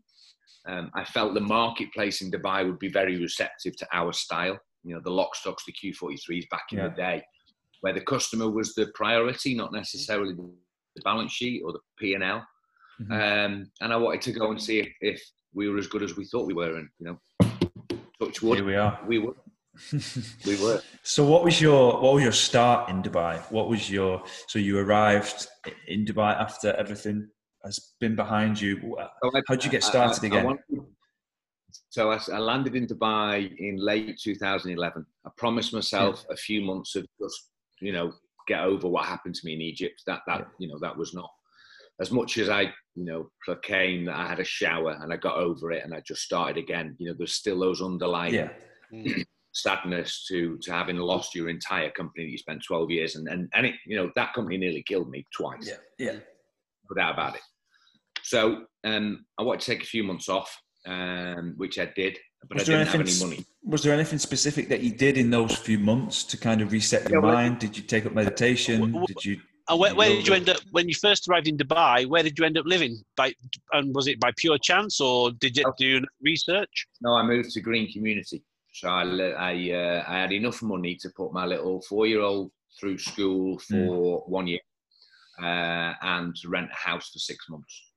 So my I had a, I, I knew two people in the city. Um, one was a gentleman called Mark Lee, who I'd met when he was at WAFI when I was looking to help Ministry of Sound do something back in 2009. Um, I had his number and I had somebody else's telephone number. I rang them both and I went and had a coffee. Um, and my plan was just to slowly sort of get an understanding of the Dubai market. I'd been on holiday there multiple times, so I had a good idea of what, what F&B was like in Dubai. I felt it was very glitz and glam and very low end, and there was nothing sort of sitting in that middle sector. So I wanted to I wanted to come into that middle sector. So I met Mark Lee. Um, he showed me the rooftop or the, the top floor of Media One Hotel. And then that was the end of me having a bit of a rest. I fell in love with that space straight away. I thought I could do something very special. Um, and off I went trying to find investors. And while I was trying to do that, I was buying and selling motor cars on Dubizzle, earning enough money to um, keep the kids in, you know, or keep my kid in school and pay the rent. Wow. And I did that. It took me about 18 months, 18 months to two years to find uh, an investment consortium of 12 million dirhams to build Q43. So we built it, opened it late 2013 with an annual budget of 18 million, and year one it did 34. Wow. Here's a claim to fame. My very first brunch in Dubai was at Q43, 2000, early 2015. Yeah, and what a great time. My, my first night out in Dubai, Q43, um, I stayed in the hotel when I first arrived here. Uh, Great look, venue. Okay, she's a little bit old today. She's six years. She's a little bit tired. Um, that venue, Memories. that you know, because oh, there was nothing like Q when we opened it. You know, Lockstock had not been not come out. You know, we'd not beaten it. We'd not done something bigger or better or faster or quicker. You know, when we brought Q to the market, it was the only kind of high energy venue that you know had all walks of life were in it. It gave you a great time from sort of three o'clock onwards in the afternoon, and you just didn't go home. You know, yeah. one of our one of our models is we'll grab you for one beer. Yeah. And then you'll have to phone your missus and tell you you're going to be late. you know, and Good one. Q was Q, Q's done that. We've done that in, in, from our very very beginning. We'll get you to come and have a drink with us. We'll entertain you front to back to left to right, and we'll we'll get you in trouble with the partner because it's just yeah. too good to leave. And Q did that and still does to a certain degree, but not you know not like Lock, Lockstock does it for me. I've had some uh, heavy nights that weren't supposed to be heavy nights in Lockstock. I tell you, oh, yeah. let's go for a quick one after work. Yeah, okay, and then Lock, Lockstock will get you in trouble. serious, serious trouble. Yeah, good food as well. Good, yeah. good bar snacks there. Yeah. yeah. great venue. So, so that was my first. That was my first venue, and and you know I did a, I helped, I did a management deal on a, on a venue in um, in Bur Dubai just to sort of keep the keep the, the clock ticking while I was trying to get Q off the ground. Mm-hmm. Um, but that didn't really make any money. It didn't really do anything for us. So it was Q was the Q was the start. So then Q into Karma Cafe, we bought that um, during the process of building Asia Asia.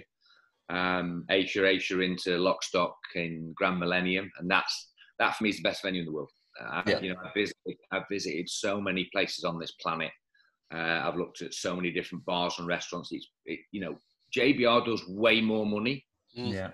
Not as good a venue. If you look at the, the synergies between the stage and the dance floor and the, the, the, the mezzanine and the interaction, and the height and the scale and the coziness, yeah. it's just yeah. You know, me, me and Freck sat in there for nine months designing and building that venue every single day, seven o'clock till midnight, seven o'clock till midnight. Oh, honestly, Paul, stop there. You're making me sort of like well it with tears here because I'm missing your merch. You know, what I would give to go for a beer in that place right now. God, I'd, I'd be there. Well, and like it's lockdown, we're not. So again, are, we too early, Liam, to jump into it? But how are you finding things with this lockdown at the moment? I mean, you've got how, numerous venues across the city, yeah. and therefore, I should imagine quite a big workforce dependent on you. And, and again, you've had these life experiences that I, I can't even imagine, and I got it from the early part of the conversation. This COVID nineteen doesn't faze you. It, you know, no, no, no, no. What will be will be. No, no, no. It fazes me. Don't get me wrong. It, it, it you know, it, it is a it is a Rubik's Cube challenge that we've all got to come to. It, it probably doesn't hit me as hard as somebody else because uh, you know I've got a bit, I've got a bit of history of coming through adversity, um, where you know I'm not lying on the floor crying, "Oh my God, I've lost my company. What am I going to do?" Um, but I am still busy with what does it mean? You know, what is post-COVID? Um, I believe the world needed a slap. You know, we, we all need, we all, you know, this is, if you ask me honestly, what is this? This is the world's wake up call. Do we grab hold of it as society, as humans, like we should? Probably not, but I hope with everything I am that we do. I really do. We are, mm. we have been battering Mother Earth. We've been battering instant gratification. We are, we are chasing stuff that is not beneficial to us. And I know because I was that guy. I was the person that chased stuff that meant nothing to me, that was just possessional money. We needed a wake up call. We needed, the society needed to understand that we were getting it wrong. The world needed to understand that if we don't change, we're on a very, very dark road. So, what I'm, I'm not looking at what is the food and beverage industry post COVID. You know, are you going to go to Lockstock and have a bite to eat between a plastic screen? No, I'm not in that industry. That's not what we do. And if that's the conditions that we have to trade in, we're not trading. We'll do something different for a while. Yeah. Our, our DNA, solutions leisure, full stop, whichever one it may ever be, it's about you two connecting. It's about you two having the ability to freely have a beer and then lose some inhibition and have a great night and interact and talk and mingle and move and social distancing doesn't fit with that. So if social distancing doesn't fit with it, okay, an HRA Asia, slightly different. Yeah. STK on a Friday, you know what? How am I going to do an STK brunch where I can't put you on the table and you can't have yeah. a dance and you can't go and talk to that girl at the bar because she's not part? Doesn't work. So then don't do it. I'm not pivoting into the into Yeah. the delivery industry. That's not Yeah. who I am. We're about um, that. So I'm trying to figure out that Rubik's cube of, of, of where, not what does it, what does food and beverage look like in a post social distancing world where you've got to social distance. That that's not what I'm busy with. I'm looking at, you know, that will go away at some Yeah. point. It has to go away. It has to, Um, yeah, that's you're right. You, you just can't. You know, we are the most social breed of of, of species that, that that lives. So you know, we have to integrate. We will resist. We'll we'll start to push back and say, look, that doesn't work. We, we Yeah. we've got to interact with people. I read a report today that it's it's okay to sell your house in the UK at the moment, Yeah. but it's not okay to see two people in the park that are your close family. You mean I mm. mean there's there's stuff that's just not right. Yeah, it's, there's a lot of Right. grey areas, isn't there? It's not Yeah. clear Well, it, well, it's just the thought process. It's not right to have a fine dining restaurant with a piece of plastic and your dinner gets pushed underneath it. It's just yeah. That's not right. Yeah. I've lived in a place like that, and you don't want to be there. Um, no, not indeed. Yeah. but no, I'm, I'm, I'm not.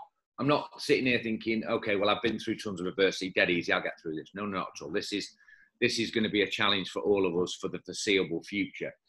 Does it mean a massive change in food and beverage? No. Does it mean nightclubs are going to stay shut for a bit longer? Yes. Does it mean Lockstock will not be a traditional Thursday night for a little while? Yes. But can it still operate and be fun? Yes. yeah.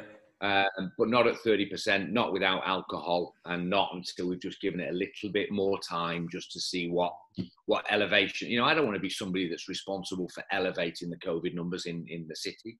Mm. Um, and I'm not so desperate to get open and run that risk. Mm, True. Yeah. Very true. We've Yeah. got to come together and not be not be selfishly, oh, I can open and I can make money. No, what does that do? What's the Yeah. implication of doing that? And, Mm. and that's what I'm thinking. So yes, cash flow has stopped. Yes, we're all in pain. Yes, my lifestyle is very different than it was six months ago, but that's okay. You know, I've never been somebody that needs to drive Lamborghinis and live the Burj Khalifa. I'm all Yeah. with it, and that's not why I ever did it. Yeah. So the fact that the income has stopped only worries me and only concerns me because I'm not able to look after the people as well as I could three months Mm. ago. But Yeah. What concerns me, what concerns me way more is that you know we've got to be safe. We've got to consider Yeah. society, Indeed. not just you know, can I make more money? I've Yeah, never no. done it for money. I've never ever done it for money. So if if if we can't put you together on a dance floor in a safe environment so you can have a few beers and you can have a great night and you can meet your girlfriend you can do all the stuff that's happened in our venues over 10 years then let's just wait there's no Yeah. rush i don't need to be a pioneer to be the Mm. first person to open No, you said that. it yourself. I mean, I hope we, you know, and Dubai, Dubai's good in a lot of ways, isn't it? The way it looks after its citizens, and it has led the uh, the fight against COVID very well, I think. Uh, but it is a very, uh, it is a very tactile place, isn't it? You know, we are, you know, we all love to get out and party and mingle and have that social interaction. So we've got to be careful. I mean, Maggette, well, a certain establishment got it wrong, shall we say? um, so again, that, that was that that, that was a, a What good. Uh, yeah, that was a, that was a good thing. So yeah, we've got to be careful. And and as you go back to it, I hope that the world does take a step back and like remember. And like Liam and I discussed with the postponement of uh, Expo 2020 to now Expo 21, hopefully the government can like redesign it to like reflect on how the world's got to become a better place to survive. i think if there's any country on the planet that will be busy with that it will be dubai i think one of the one of the reasons why dubai has, has done as well as it's done because it does have it does have its eye on a multitude of important factors. It's not just about cash. It's not just about money. It's not just about profit. Of course, it's important, Yeah. but it's important because of what else it allows you to do. And I think that's one of the things that we as a company today, you know, we've always been busy with it. We're not owned by a group of shareholders where I have to report increased growth every year. And if I, I wouldn't, I would not operate in that world. We are there's way more to being successful than just what your P&L looks like. The ability to change and adapt and and help other people because of that mm. is a Yeah. byproduct of your success. I think dubai holds that key as well. Look at the country that we live in. Look at how they dealt with covid i mean they were out of the traps with the latest technology and i genuinely believe they wanted to keep safe compare that to other countries around the world that have got certain famous leaders that stutter through every press conference you'll ever see him do. You know, because that, that, there are people out there that don't care about any of us. They care about winning the next election. They care about growth of their own private shares or little stockholders they've got in different companies. And you know, that frightens me massively. Uh, you know, and, and the reason why I'm I'm blessed to live in a country like Dubai is because that's not at the forefront of their mind. It's yeah. important to them, but we're more important to them. You know, they didn't get out on the street sanitizing and protecting us all because it's profitable for them. They got on the streets and sanitized us all because they wanted to love us, they wanted to look after us, they wanted to take care of us. Everyone, yeah, thankful of that every day of the week. Yeah, yeah, you're right. You're definitely right. Um, just wanted to, to ask this. Obviously, we've got this situation. It is going to take some time before we get back to normality. But you uh, running this business, uh, Solutions Leisure, where do you see uh, the operation going? Are you looking to expand the business and take these brands internationally? Are you looking to have more, um, you know, exposure here in Dubai? Where is the future for Solutions Leisure? Future, you know, after all this situation has calmed down. We've always look. We had a, we had a number of things that were bubbling along prior to to COVID. Um, yeah. Those things have carried on bubbling along. Um, yeah think that you know we've got great brand in lock, stock, and barrel. That that thing would land in any city on the planet, and I think yeah. it would do very well. And I'm looking. I'm still in in COVID lockdown. I'm still talking to our um, possible partners on that, and things just got delayed a little bit. Things are on. You know, the world is on pause. Nobody wants to really commit today. I also don't want to really commit. You know, I'm not interested in taking an investor's money in Singapore and building a lock, stock, and him not succeeding. I'm not a. That's not my I'm just not built that way. So I'm also okay to sit and, and, and um, relax. We're going to grow in the UAE. You know, that's our home, that's our base, that's our core. The UAE gave us what we have today, and it's our job to give back. Um, so we will be announcing very soon three um, oh, wow. new venues. In wow. Uh, There's a scoop for us. There's a bit of a scoop for us, Liam. Yeah, yeah. yeah. You heard, you heard it here first. Yeah, one, yeah, yeah, told anybody yet, and I w- I won't tell you where they are. But one will be a lock stock, one will be an Asia Asia, and one will be a um, definitive of, or a, a derivative of, of, a, of a wave house. So we're doing fantastic, a bit more, a bit more family entertainment oriented. So they won't open to you know late this year, possibly into first quarter next year. We'll wait to see what the tourism starts to, to pan out. But you know, Dubai will continue to grow. So why not use this time to develop? If you're lucky enough and fortunate enough to have people that support you, yeah. then use the time to develop and make sure that once we can reopen, um, we probably won't be making, or we probably won't have as much income into each outlet. So then possibly spread the um, spread the business so that you're still able to continue to offer your staff and your teams the same levels that you were prior to this. I think is my thought. Good. Good. Fantastic. And uh, look, I just want to say thank you for your time. It's been a, it's been a long one. I've really enjoyed it, and I'm sure all the listeners and the people watching uh, will feel the same. It's it's been amazing to hear you uh, explain you your story. We, have really yeah, enjoyed it. The, yeah. At the end of the day, I get flattered every minute of the day by people being being interested in what we're trying to do or what I've done over my yeah. uh, over my career. And uh, I am extremely blessed, and, and thanks for the interest. no problem. Fantastic. No problem. Look, before before we let you go, very quickly, we always have a few questions that we ask at the end of every show. This is the Dubai Ooh. Life podcast. So we're going to put you on the spot a little bit. What is your what is your perfect day in Dubai? So what do My you enjoy? Yeah, starting from when you get up, what do you like to do? Okay, so there's, there's got to be a beach walk in there. Um, it's nice. one of the things. Do you live near the beach? Yeah, I live on uh, the end of JBR near uh, Royal Meridien. So fantastic. Uh, um, one of the things when I when I went through sort of a, a, bit of a mental health issue four or five years ago when I was starting to have a few things that weren't connecting. Somebody walked me through um, blessings and being thankful. Yeah. So no matter who Gratitude. we are, doesn't matter what. Yeah, exactly. It's become a huge part of my life, and you'll probably see it as I, I share it regularly. Things I'm thankful for. So every single day of the week, doesn't matter what day of the year it is, doesn't matter how hot, how cold. Before I go to sleep, I'll walk out to JBR Beach. I'll touch the rock by zero, and I'll touch the rock by um, uh, the wheel on both of those rocks, three things I'm thankful for. I do that mm. every day. I love that. So now I'm doing it. Now I'm doing it in a in a in a wood or a road or whatever it may be. But it's just that little that little moment of I don't take my mobiles with me. I go and have an hour of reflection. It takes me about an hour to walk that six clicks. and so that every day it starts with that normally. Um, then a little bit of gym. Um, I'm not Yep. as fit and, or not as young as I used to be, so I have to work a little bit harder these days. Um, then perfect day, and you're gonna. This is, sounds really sad, but then I'm going to work. Fantastic. Come on. I And, love and that. again, in your industry, what are the places you'd love to have breakfast, lunch, and dinner? Where, where, where would you entertain? Where, where do you want to entertain yourself? I'm not fancy. I'm Eggspectation on JBR for my breakfast. We've had that a few Uh, times. Yeah, that, that was yesterday's guest as well. Yeah, Yeah, yeah, I'm yeah. probably a bit of Tom and Serg. I know those guys really well. Tom's a good buddy Yeah. of mine. I'm gonna I'm gonna pop in and have a bit of breakfast lunch at his place.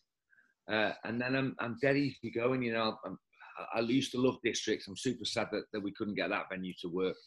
Um, lock stock for a couple of drinks after work. Uh, if I'm if I'm fancying, I'm taking Dominique out for a bite to eat. Then I think you know I love I love Zuma, I love Coya, I love La Petite Maison. Um, obviously, I'm not a drinker, so you know you you won't find me in whites, and you, you won't find me on um, on on VIP tables with bottled vodkas around me. I'm not that guy. Um, cinema, massive fan of a of a platinum suite cinema. Yeah. I know that Love sounds a bit pretentious, but uh, you know, Nice. Sounds a good day to me. Sounds a good day to me, mate. best 150 dirhams you can spend. I, I love movies. I'm a big fan of that. And because I'm not because I'm not a drinker, because I'm not a party person. You know, you you rarely find me at a brunch. You know, I go and I love I love a group a group of our friends on a boat. I love a group of our friends in in a, in a brunch in one of our venues. And you know, for me, it's not necessarily about the prestigious or the or the venue that I'm in. It's about the people I'm around. So if if I've got 10, 12 of our closest people, stick me on a on a picnic on JBR and I'm having the time of my life. I'm a I'm a very much into that sitting around with a group of people that you love and you've got history with and, and they know you and uh, that's my that's my perfect day with my friends and my family doing normal normal stuff. Good stuff. Awesome, fantastic. And the last question, I promise we're finished after this. We are from a real estate background here in the city, and Dubai, of course, is famous for some incredible projects and, and homes that they've built. Where is your dream home? You might already have it. I'm not sure. Where would you, if money was no object, where would you choose to live in Dubai? Right on the spot there. I'd probably go on the Palm. Yeah. Um, I'm, I'm, I'm, I have a, I have a huge connection to the ocean, so I'm, an, I'm a massively avid scuba diver. I've got to have sand on my on my toes. I'm in I'm in Fleetwood at the moment. Uh, I come up to see my girl's parents, uh, and they've got a they've got a beach here. It's Not the best of beaches. I've Fleetwood, seen, yeah. I've seen Fleetwood Beach. A little bit different to the Palm Jumeirah. I'll tell you something. I walked out on there yesterday. It was blowing a gale. It was freezing. It was, um, you know, it, it's Fleetwood. Um, but it just gave me something, just this energy, this power. I walked for about about two and a half hours. I think I did like 12 kilometers or something yesterday. Walked it. Um, so I have a real connection to the beach. So, you know, if money was no object, um, yeah, I'd probably go to the park. Palm. Nice. I've got a lovely little apartment. I've got a little two-bed apartment on JBR. It's you know it, it does its job. I'm close to the beach. I can walk out there every day and, and be on that beach. So somewhere again, I'm not. You know, I don't, Yeah. I don't, I don't need, I don't want, I don't have any aspirations to have a 12-bed, half a billion-dollar penthouse apartment on JBR. But I would be, I'd be Palm or JBR. I like the social environment, the beachy areas. Um, I like, I like the hustle and bustle of the busier, the busier parts. If there was, a, there's a couple of nice villas on on JBR. If you Yeah. found something, give me a shout. Yeah. Uh, We'll let you know. yeah, it, it's got to be. I've got to see. I've got to be near the sea. I've got to have. I've got to have a connection to the uh, the ocean. Great answer. Uh, so, where can people find you? I'm going to add all of your tags and handles. I'll put them in the show notes. But you're Okay. obviously quite busy and popular on Instagram. Really like the stuff that you're putting out on Instagram. So Yeah, tell so the people where they Paul- can find you. Paul John Evs at Instagram. Okay. Um, I uh, I don't really use Facebook. I think my, my Instagram is real is connected to my Facebook and, and the, the, the team that look after that for me do all of that kind of stuff. Um, my website is wheniwokeup.com. Okay. That's my own. That's me, and I, I look after that personally myself. So I don't have anybody take care of that. I, uh, I like to interact with people that have read it, and I want I want to be genuine that they can anyone can reach me. I've always said, you know, I will always find time for a coffee with anybody. And the beauty of a coffee, it's a fabulous thing, and you might want to employ this, especially in your industry. Yeah. Um, you meet somebody with a coffee, and you can have that thing done and dusted in seven minutes, and you can be out the door. If that that person is proves some interest, you have a second coffee, and who that relationship's going to take you. I always find time for a coffee with someone. So I operate and I look after the when I woke up um, website myself, and then obviously solutionsleisure.com. That's um, that's Fantastic. our company address. Excellent. Amazing. Wow. Great stuff. What a great what a great podcast. Fantastic. Yeah, you, Amazing. No problem. Asia, Good Asia. Look, I've, got a question. I've got a question for you okay. now. Come on then. Go on. Let's do it. Let's flip it around. Where would you both live in Dubai if you had any choice, money or object? Great question, Richard. I'll let you go first on that one. I'll give. Oh, uh, oh thanks, Liam. I, I, am with uh, Paul to a certain degree. I live very happy for the last four or five years. I've lived in a little villa in Al Manara near Kite Beach. It's only small. It's got a real peaceful garden. I have some great barbecues. It's a bit old fashioned inside, but I'm just at peace. I'm at peace here. So I'm happy here. But if money was no object, I'd probably go up to Al Barari. I just love it up there. It's just the green wilderness, the peace, everything. It's just the escape. Work your socks off in Dubai, get in your car for a total escape. Bang, back to nature. I yeah. had that with community. That yeah. not as expensive as Al Barari, but yeah. Mm. I got a bit, you know, Al Barari's stunning, but it's not near the sea. No, no, it's quite yeah. the opposite. Yeah. Yeah. Go on, Liam. What about you? For me, I think you probably know Richard. I'm uh, I'm still I, I, don't have a family. It's just me and uh, my fiance here. So we are living in the marina at the moment. We're in Marina Gate and we love it. We love the city vibe and the hustle and bustle. But nice I pro- there, eh? Marina Gate's lovely. Marina Gate's beautiful. Great facilities. That's why I really yeah. like it. The sauna and the steam room. The gym's amazing. Yeah, um, my business lived there for two years. Great yeah, it is fantastic. But I would have to say the new projects that they're building on the Palm, the One Palm, which is going to be managed by the Dorchester, is going to be alongside the Royal Atlantis, which they're building, which you may have seen coming up next to the Atlantis. Just an incredible project. Between those two, I think a penthouse in, in, in there will be, would yeah, just be another level.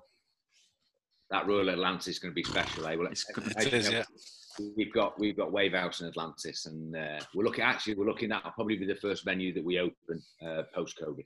Oh wow! Um, just putting wow. some together now about how we can social distance between bowling and yeah. game.